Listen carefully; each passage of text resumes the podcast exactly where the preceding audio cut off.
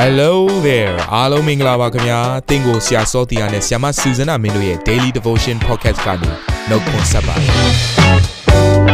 ဆရာနဲ့ဆရာမတို့ရဲ့အသက်တာမှာဘုရားရှင်ပြုတဲ့ကောင်းကြီးမင်္ဂလာများစွာရှိပါတယ်အဲ့ဒီအထက်ကပြန်လဲစီးဆင်းတဲ့နှုတ်ကပတ်တော်ကိုဒီနေ့မှနားထောင်ပြီးခွန်အားယူကြမှာဖြစ်ပါတယ်နေ့စဉ်10မိနစ်လောက်အချိန်ပေးပြီးမိမိရဲ့အသက်တာကိုကောင်းကြီးဖြစ်စေမယ့်ဘုရားသခင်ရဲ့နှုတ်ကပတ်တော်နဲ့နီးလန်းတွေကိုအတူတကွခံယူကြရအောင်ခင်ဗျာ အားလုံးကိုမင်္ဂလာပါလို့နှုတ်ခွန်းဆက်ပါတယ်။ကဲဒီနေ့က2021ရက်နောက်ဆုံးနေ့ရက်လည်းဖြစ်တယ်။เนาะကျွန်တော်နှစ်သစ်ကိုကူရတော့မယ်။အဲ့တော့ဒီနေ့နှုတ်ကပတ်တော်အဖြစ်အထူးသဖြင့်ဒီတပတ်တာလုံးမှာခံယူခဲ့သောနှုတ်ကပတ်တော်အဖြစ်နှစ်သစ်မှာဘုရားရဲ့ခရီးတော်တွေကိုဆွဲကင်ပြီးတော့သွားပါ။ဘုရားသခင်ဟာသင်ကိုပိုးရှမ်းစေမယ်ဆိုတာကိုအမြဲတမ်းစိတ်ချခြင်းနဲ့ယုံကြည်ခြင်းအပြင်ရှောင်းလန်းမှုအားလုံးကိုနှိုးဆော်ခြင်းနဲ့ ဒီတစ်ပတ်တာလုံးမှာပိုရှန်စွာပေးသောဘုရားဆိုတဲ့ခေါင်းစဉ်အဖြစ်လေ့လာနေတာဖြစ်ပြီးတော့ဒီနောက်ဆုံးအတွက်ခေါင်းစဉ်ကတော့ဂတိတော်ပြည့်စုံစေသောနိလန်းများ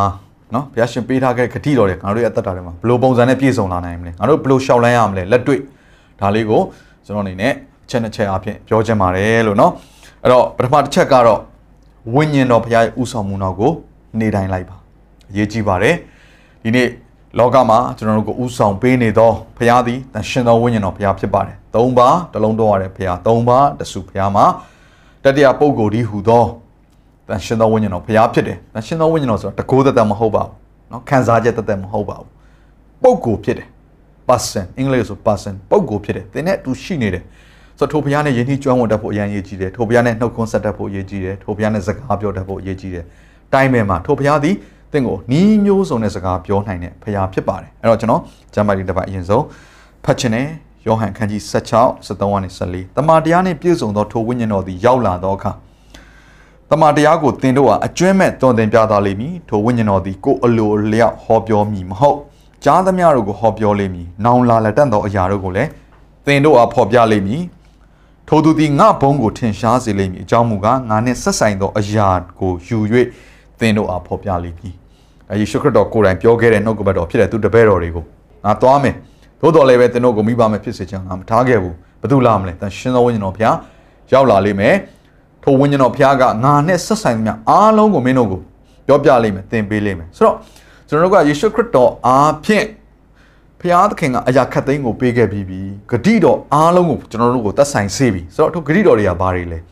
ဘယ်ဂတိတော်ကဘယ်အချိန်မှာငါအတွက်လိုအပ်သောအရာလဲဆိုတဲ့အရာကိုသိဖို့ရန်အတွက်ကကျွန်တော်တို့အုံနောက်ညံနဲ့သွားစဉ်းစားလို့မရဘူးဒါဟာဝိညာဉ်ရေးရာကောင်းကြီးဖြစ်တယ် ဖျားပဂတိနဲ့သက်ဆိုင်သော divine nature of God လို့ပြောတဲ့ဖျားပဂတိနဲ့ဆိုင်တဲ့အရာတွေကိုဆက်ဆံဝင်စားရတာဖြစ်တော့ကြောင့်မလို့ဝိညာဉ်တော်ဖျားသာမဖွင့်ပြဘူးဆိုရင်ဟောကျမ်းစာကိုဖတ်တော့ဖတ်နေတယ်ဒါပေမဲ့နားမလဲဘူးဖွင့်ပြခြင်းမခံစားဘူးသို့တော်လည်းပဲဝိညာဉ်တော်ဖျားကဖွင့်ပြလိုက်တဲ့အခါကျတော့နားလဲသွားတယ်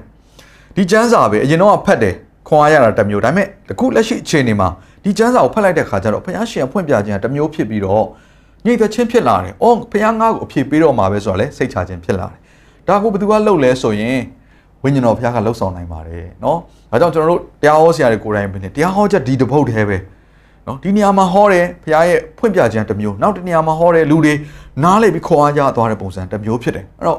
ဒီနှုတ်ကပတ်တော်အင်တန်မှထူးဆန်းတဲ့ဖခင်ရဲ့တကိုးတော်ဖြစ်တယ်။ဘာကြောင့်လဲသူရဲ့နှုတ်ထွက်စကားတွေလည်းဖြစ်သလိုသရှင်သောဝိညာဉ်တော်ဖခင်မှုတ်သွင်းထားတဲ့တမန်ကျမ်းစာဖြစ်တဲ့ကြောင့်မလို့ထိုဝိညာဉ်တော်ဖခင်ဥဆောင်မှုနောက်ကိုလိုက်သွားပြီဆိုရင် ကျွန်တော်တို့ရဲ့အသက်တာထဲမှာကျွန်တော်တို့ခံယူသောဖခင်ရဲ့နှုတ်ကပတ်တော်တွေဂတိတော်တွေဟာထူးခြားစွာဖြင့်အခြေအနေရရတိုင်းတွေအပြည့်ဖြစ်လာပါတယ်။နောက်ဆုံးပြောရမယ်ဆိုရင်ကြုံရတဲ့ဒုက္ခဟာတူအောင်တော့เนาะပြီးခဲ့တဲ့နှစ်ကဒီဒုက္ခကြုံနေအခုလည်းဒီဒုက္ခကြုံပြန်ပြီ။သို့တော်လည်းပဲဘုရားရှင်ရဲ့လှုပ်ဆောင်မှုကကြတော့အခြေအနေပြီးခဲ့တဲ့နှစ်ကတစ်မျိုးဒီနှစ်မှာကြတော့တမျိုးဖြစ်နိုင်တယ်ဘုရားသခင်နဲ့သွားတဲ့အခါမှာကျွန်တော်ပုံသေးနည်းနဲ့သွားလို့မရဘူးအဲ့တော့အဖြစ်အပျက်တစ်ခုရှိတယ်တမန်တော်ဝတ္ထုထဲမှာ ဒါအမှုဆောင်လုပ်ငန်းထဲမှာပြင်လင်เนาะတန်ရှင်းသောဝိညာဉ်တော်ဘုရားဥဆောင်ခြင်းဘယ်လောက်ထိအရေးကြီးလဲဆိုတာဒီနေ့အပြင်ပြောရမှာဆိုမှန်သောຢာကိုလုံနေအောင်တော့ဘုရားခိုင်းတဲ့ຢာကိုလုံနေအောင်တော့ဘုရားအလိုတော်ကိုဆောင်နေအောင်တော့ဝိညာဉ်တော်ရဲ့ဥဆောင်မှုအရေးကြီးနေသေးတယ်အဲ့တော့အဲ့ဒီဖြစ်ပျက်ကတမန်တော်ဝတ္ထုอืมခန်းကြီး16မှာရှိပါတယ်เนาะ9ကနေ10ကိုကြည့်မယ်ဆိုရင်ဒါပေါလုရဲ့ဧဝံဂေလိခရီးစဉ်ထို့သောအသင်းတော်တို့သည်ယုံကြည်ခြင်း၌တည်ကြည်မြဲမြံသည်ဖြစ်၍အရေးအတွက်အားဖြင့်တနေ့ထက်တနေ့ဒိုးဘွားများပြားကြ၏ဒါ ပေါ်လူသွားတဲ့မြို့တွေမှာယေရုရှလင်မြို့မှာပေါ့အပါဝင်ပေါ့နော်ဖြူကိပြည်ဂါလိတိပြည်ကိုရှောက်သွားပြီးမှအာရှိပြည်၌နှုတ်ကပတ်တရားတော်ကိုမဟောစေခြင်းကတန်ရှင်သောဝိညာဉ်တော်သည်မြစ်တာတော်မူသဖြင့်အဲ့တော့နှုတ်ကပတ်တော်ကိုဟောဖို့အင်္ဂလိပ်တရားဟောဖို့ဘုရားသခင်ခိုင်းခဲ့တယ်အဲ့ဒီအလိုတော်ကိုပဲပေါလုကဆောင်ပြီးတော့တစ်မျိုးဝင်တစ်မျိုးထက်အင်္ဂလိပ်တရားဟောနေတာသို့တော်လည်းပဲဝိညာဉ်တော်ကတားတယ်တဲ့အဲ့ဒီမျိုးတွေမှာမဟောပါနဲ့တဲ့ အဲ့တော့ကျွန်တော်တို့ဒါဘုရားရဲ့အမှုဆောင်လုပ်ငန်းနော်ဘုရားသခင်ခိုင်းတဲ့မဟာစေခိုင်းချက်ကိုလှုပ်ဆောင်နေတဲ့အချိန်မှာပင်လင်ဝိညာဉ်တော်ရဲ့ဥဆောင်ခြင်းဘယ်လောက်အရေးကြီးလဲဆိုရဒီအဖြစ်အပျက်လေးကတွေ့ရပါတယ်မုတိပြည်သို့ရောက်၍ဘိတုံပြည်သို့သွားမည်ပြုစဉ်ဝိညာဉ်တော်သည်အခွင့်ပေးတော်မမူသောကြောင့်ဒါနဲ့เนาะဒီမျိုးတွေမှာတရားမဟောရဘူးဆိုတော့နောက်မျိုးတွေသွားဖို့လောက်ပြန်တော့လေဝိညာဉ်တော်ကမဟုတ်ဘူးတဲ့ဒါတားပြန်တယ် မုတိပြည်နားမှာရှောက်၍တယောမျိုးသို့ရောက်ကြ၏ညအခါပေါလုသည်ဗျာဒိတ်ယူပါယုံကိုမြင်ရ၍မာဂေဒေါနီလူတယောက်ကမာဂေဒေါနီပြည်သို့ကူးပါငါတို့ကိုမဆပါဟုရက်လျက်တောင်းပန်၏ထိုဗျာဒိတ်ယူပါယုံကိုမြင်ရလျင်မာဂေဒေါနီပြည်၌ဧဝံဂေလိတရားကိုဟောစေခြင်းကဘုရားသခင်သည်ငါတို့ကိုခေါ်တော်မူသည်ဟုငါတို့သဘောကျသဖြင့်ထိုပြည်သို့သွားခြင်းကချက်ချင်းရှာကြံကြ၏ဧဝံဂေလိဟောတာချင်းအတူတူဘုရားအလိုတော်ဆောင်တာချင်းအတူတူဝိညာဉ်တော်က နော်ဥဆောင်လိုက်တဲ့အခါကျတော့အမှုဆောင်လုပ်ငန်းထဲမှာထိရောက်တာကွာသွားတယ်နော်အဲ့တော့ကျေပြန့်တာကွာသွားတယ်လူတွေအသက်တာပြောင်းလဲခြင်းကွာသွားတယ်အဲ့တော့ကျွန်တော်တို့သဘောပေါက်ဖို့လိုပါတယ်ဘုရားအမှုဆောင်လုပ်ငန်းမလုပ်လို့ကိုယ့်ရဲ့နေ့စဉ်အသက်တာမှာကိုလုပ်ရမယ့်အလုပ်တွေပဲလုပ်လို့ဝိညာဉ်တော်ရဲ့ဥဆောင်မှုပါလာပြီဆိုရင်လှုပ်ထားခြင်းတူတာတော့မှထိရောက်ပုံချင်းရလက်ခြင်းကကွာသွားတယ်ဝိညာဉ်တော်ပါတာနဲ့မပါနဲ့အရန်ကွာပါတယ်ဒါကြောင့်သင်ဒီပဲအလုပ်ကိုပဲလုပ်လို့နေ့ရက်တိုင်းအချိန်တိုင်းမှာဝိညာဉ်တော်ဘုရားဘာလှုပ်စေခြင်းတလဲအဲဝိညာဉ်တော်နဲ့ ယဉ်နှီးကျွမ်းဝင်တတ်ဖို့အရန်ကြီးကြီးတယ်ဆိုရာလေးကိုကျွန်တော်ပြောချင်ပါတယ်အဲ့တော့ဝိညာဉ်တော်ကဥဆောင်လာပြီဆိုရင်တော့တေးကြတယ်ယုံကြည်ခြင်းနဲ့အနောက်ကလိုက်ရမှာပဲဘုရားကဥဆောင်ပြီဆိုရင်ဘုရားကနော်ဟို तू အကြံစီတဲ့ကို तू ကဥဆောင်သွားတာကျွန်တော်တို့နားလေတဲ့ပုံစံဟုတ်ချင်မှဟုတ်လိမ့်မယ်ဘာကြောင့်လဲဘုရားရဲ့အကြံစီကလူရဲ့အကြံစီတဲ့ပုံမြင်တယ်သူ့ရဲ့အကြံစီတီသင်ကြံစီထားတာထက်ပိုပြီးတော့ကြီးမားတယ်ဒါကြောင့်ဝိညာဉ်တော်ဘုရားဥဆောင်လာပြီဆိုရင် ညာတော်အဖြစ်နော်ကျွန်တော်ရဲ့အတွေ့အကြုံရပဲဖြစ်ဖြစ်နှုတ်ကပတ်တော်ထဲမှာပဲဖြစ်ဖြစ်သူကယုံကြည်ခြင်းခြေလှမ်းနေလှမ်းခိုင်းတယ်နော်ယုံကြည်ခြင်းနဲ့ပဲရှောက်ရတာအဲ့တော့ဒုတိယတစ်ချက်ကဘာလဲလို့ပြောရင်ဝိညာဉ်တော်ပထမတစ်ချက်ကတော့ဝိညာဉ်တော်ရဲ့ဥဆောင်ခြင်းနော်နောက်ကိုလိုက်ဖို့လိုတယ်ဒုတိယတစ်ချက်ကအဲ့ဝိညာဉ်တော်ရဲ့ဥဆောင်ခြင်းနောက်ကိုလိုက်တဲ့အခါမှာယုံကြည်ခြင်းနဲ့သီးခံခြင်းအဖြစ်လိုက်ပါနော်ငါအကျိုးရကိုရမယ်ဆိုတော့သိမှတ်ပါဘုရားဂတိထားတဲ့ဂတိတော်တိုင်းကအကျိုးကိုရမယ်အခုဝိညာဉ်တော်ဥဆောင်နေတယ်ဆိုရင်အုံနောက်ကနားမလဲပြီပဲနဲ့လိုက်ပါကို့မှာဘာမှမရှိပေမဲ့လည်းလိုက်ပါ ကျွန်တော်တို့ရဲ့အမှုဆောင်လုပ်ငန်းတွေဒီလိုပဲအစားပြုခဲ့ရပါတယ်အဲ့တော့ကျွန်တော်တို့မှာနော်လက်စုပ်လက်ကင်ပြထားစရာအရန်များလို့ငါတို့ကတော့ဓာကြီးကိုအစားပြုလိုက်မယ်ဆိုတာမျိုးဘယ်တော့မှမရှိခဲ့ပဲနဲ့ဖခင်ကခိုင်းပြီဆိုရင်ကျွန်တော်တို့လက်ထဲမှာရှိတဲ့ဟာတက်ပိုကြီးမားတဲ့အရာတွေကိုလောက်ခိုင်းတယ်အဲ့တော့ဖခင်ခိုင်းနေဆိုတာတေးကြလားအရင်ဆုံးစမ်းစစ်ပြီးတော့ဝိညာဉ်တော်ဖခင်နှိုးဆော်တဲ့စိတ်ချမှုတွေပေးတယ်တက်သေးတွေပေးလာတဲ့ခါမှာတေးကြပြီဒါဖခင်ခိုင်းတာပဲငါတို့လိုက်မယ်လုံမယ်ဆိုလုံတဲ့အခါကျတော့သွားရင်းနဲ့ပဲလိုအပ်ချက်တွေအားလုံးဟာ ဘုရားထောက်ပံ့သွားတယ်ပြည့်စုံသွားပြီနောက်ဆုံးမှာဂတိတော်နဲ့ဆိုင်တဲ့အကျိုးကိုရတာဖြစ်ပါတယ်ကျွန်တော်ဒါနဲ့ပတ်သက်တဲ့ကျမ်းမာလေးတစ်ပိုက်ဖတ်ချင်တယ်ဟေပြဲခန်းကြီး6ငယ်7မှာသင်တို့ရှိသမျှသည်ပြင်းရည်ခြင်းနှင့်ကင်းလွတ်၍ယုံကြည်ခြင်းနှင့်သီးခံခြင်းအပြင်ဂတိတော်တို့ကိုအမွေခံရသောသူတို့ဤသူကျင့်နိုင်မိအကြောင်းထို့သောသောလုံလဝရိယကိုထုတ်၍အဆုံးတိုင်အောင်ယုံမှားခြင်းနှင့်ကင်းသောမျှော်လင့်ခြင်းနှင့်ပြည့်စုံခြင်းကငါတို့သည်အလိုရှိကြ၏ဒီနှုတ်ကပတ်တော်လေးသည်အခုနောက်ဆုံးဖတ်သွားတဲ့ကျမ်းပိုက်လေးသည် တပတ်တာလုံးမှာကျွန်တော်တို့ဟောခဲ့တဲ့နှုတ်ကပတ်တော်အားလုံးရဲ့အနှစ်ချုပ်လည်းဖြစ်ပါတယ်เนาะပြင်းခြင်းမရှိဖို့လိုတယ်ယုံကြည်ခြင်းနဲ့လိုက်ဖို့လိုတယ်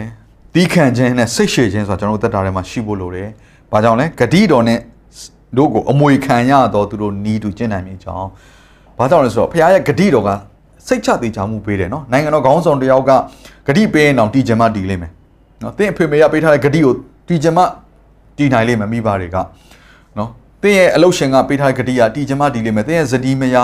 ခင်မွန်းတဲ့ပေးထားတဲ့ဂတိကတီချင်မှတီလိတီနိုင်လိမ့်မယ်လူတွေဖြစ်တဲ့ခါကျတော့ပြက်ကောင်းပြက်နိုင်တယ်သို့တော်လည်းပဲဘုရားခင်ပေးတဲ့ဂတိကတော့ဘယ်တော့မှမပြတ်တဲ့အတွက်ကြောင့်မလို့ငါတို့အကျိုးကိုရမယ်ဒါကြောင့်ငါတို့သီးခံခြင်းနဲ့ခါလေယုံကြည်ခြင်းအပြင်ယုံကြည်ခြင်းအပြင်ရှောက်လန်းလာပြီဆိုရင်သူ့တက်တာထဲမှာဘာရှိလာလဲဆိုရင်ပြင်းခြင်းဆိုတာမရှိဘူးဒါတိုင်းတာလို့ရတယ်လူတယောက်ဟာပြင်းပြီးတော့နော်အသက်တာထဲမှာအားထုတ်ခြင်းလုံလောက်ရိယာနဲ့အလုတ်လုတ်တက်တဲ့လူတယောက်မဟုတ်ဘူးဆိုရင် သိကြတယ်ဒါဟာအမှုတော်ဆောင်တယောက်လည်းဖြစ်ကောင်းဖြစ်နိုင်တယ်အဲ့အမှုတော်ဆောင်ဟာသူ့ရဲ့အသက်တာထဲမှာနော်ယုံကြည်ခြင်းနဲ့သွားနေတာမဟုတ်ဘူးယုံကြည်ခြင်းရှိတဲ့လူဆိုတာဘယ်တော့မှပြင်းခြင်းမရှိဘူးဘုရားရှင်ငါ့ကိုအကျိုးပေးမယ်အဲ့တော့ငါဟာအမြဲတမ်းငါအားထုတ်နေမယ်နော်ထို့အကျိုးကိုမရမချင်းငါသွားနေမယ်ဆိုတဲ့လုံလာဝရိယနဲ့ပင်မဆင်းရဲခြင်းနဲ့မှသီးခံခြင်းနဲ့ရှေ့ကိုရှောက်တယ်ဆိုတော့ကျွန်တော်တို့သိရပါတယ်ဒါကြောင့်မလို့သင်ရဲ့အသက်တာသည်နော်ဘုရားသခင်ပေးသောအကျိုးကိုရဖို့လုံငါမျှော်လင့်ခြင်းနဲ့သီးခံခြင်းစောင့်ဆန်းခြင်းအပြင်အရှိကို ရှောက်တော်သူဖြစ်ဖို့ကျွန်တော်ဒီနေရာကနေနှိုးဆော်တိုက်တွန်းခြင်းပါတယ်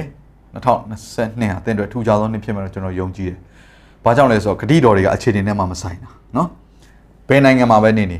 ဘာလူမျိုးပဲဖြစ်ဖြစ်ဘလို့အခြေအနေပဲကြုံကြုံ2022ဟာငါတို့ထူခြားသောနှစ်ဖြစ်မယ်ဘုရားဂတိတော်တွေငါအသက်တာတွေမှာပြည့်စုံမယ်နှစ်ဖြစ်တယ်ဆိုတာကိုအခုလိုမျိုးဆိုးရွားတဲ့အခြေအနေထဲမှာပဲဝန်ခံမှာယုံကြည်ခြင်းနဲ့သီးခံခြင်းအပြင်လုံလောက်ရီအပြင်အားထုတ်လျက်အရှိကိုသွားပါတော့ကျွန်တော်တိုက်တွန်းခြင်းနဲ့ဘုရားရှင်သင်ကိုယေရှုပြုလျက် တစ်နှစ်တာလုံးမှာဆောင်းပါခြင်းရှိပါစေဆုတောင်းကောင်းကြီးပေးခြင်းပါတယ်ဘုရားသခင်ကိုရောကိုယေရှုတင်တဲ့2021တစ်နှစ်တာလုံးကိုရောပို့ဆောင်ခြင်းအတွက်ယေရှုတင်တယ်ခံစားသောဒုက္ခဆင်းရဲတွေနာကျင်ခြင်းဝေဒနာတွေပူပန်ခြင်းတွေအားလုံးထဲမှာပင်လင်ကိုရောဒီကျွန်တော်တို့ရဲ့ခံစားချက်အားလုံးကိုသိမှတ်လျက်အမျက်ရည်များအားလုံးကိုကိုရောဒီဘူးတော်နဲ့ဆုထားလျက်ကျွန်တော်တို့ကိုစာနာတော်ဘုရားဖြစ်လို့လည်းယေရှုတင်တယ်ဂယုဏရာမှာကြွယ်ဝလျက်ယေရှုပြုတော်ဘုရားဖြစ်လို့လည်းယေရှုတင်တယ်အဖဖျားယနေ့လည်းနှုတ်ကပတော်ခံယူပြီးတဲ့အခါမှာ ဒါမဲ့တစ်နှစ်တာလုံးဒီကိုရောယေရှုတော်ကိုကြီးစွာခံရလျက်ကိုရောရဲ့ဂတိတော်နဲ့ဆိုင်သောအရာများအသက်တာမှာပြည့်စုံပါမိကြောင်းကိုရောထံမှပြုတ်မဲ့ကောင်းကြီးမင်္ဂလာများတို့မျှော်လင့်ကြပါတယ်ဒါတို့ရဲ့ဆွဲလန်းခြင်းဟာကိုတော်ပဲဖြစ်ကြောင်းဝန်ခံကြပါတယ်ဒါတို့ရဲ့ဆွဲလန်းခြင်းဟာဂတိတော်ပဲဖြစ်ကြောင်းဝန်ခံကြပါတယ်အသက်ရှင်တော်မူသောနာဆွဲမှုသောယေရှုနာမ၌ဆုတောင်းလျက်ယနေ့နှုတ်ကပတော်နားထောင်သူတယောက်စီတိုင်းကိုကောင်းကြီးပေးလက်စက္ကန့်အနှံကြပါ၏အဖဖေဟာအာမင် Happy New Year လို့အားလုံးကိုကြိုပြီးတော့နှုတ်ဆက်လိုက်ပါတယ်ဘုရားကောင်းကြီးပေးပါစေ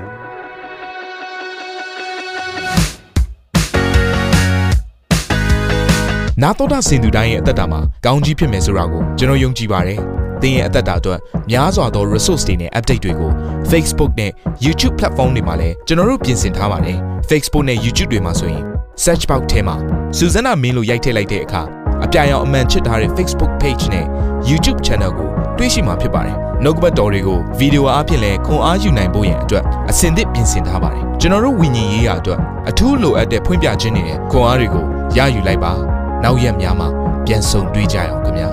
အားလုံးကိုနှုတ်ဆက်ပါတယ်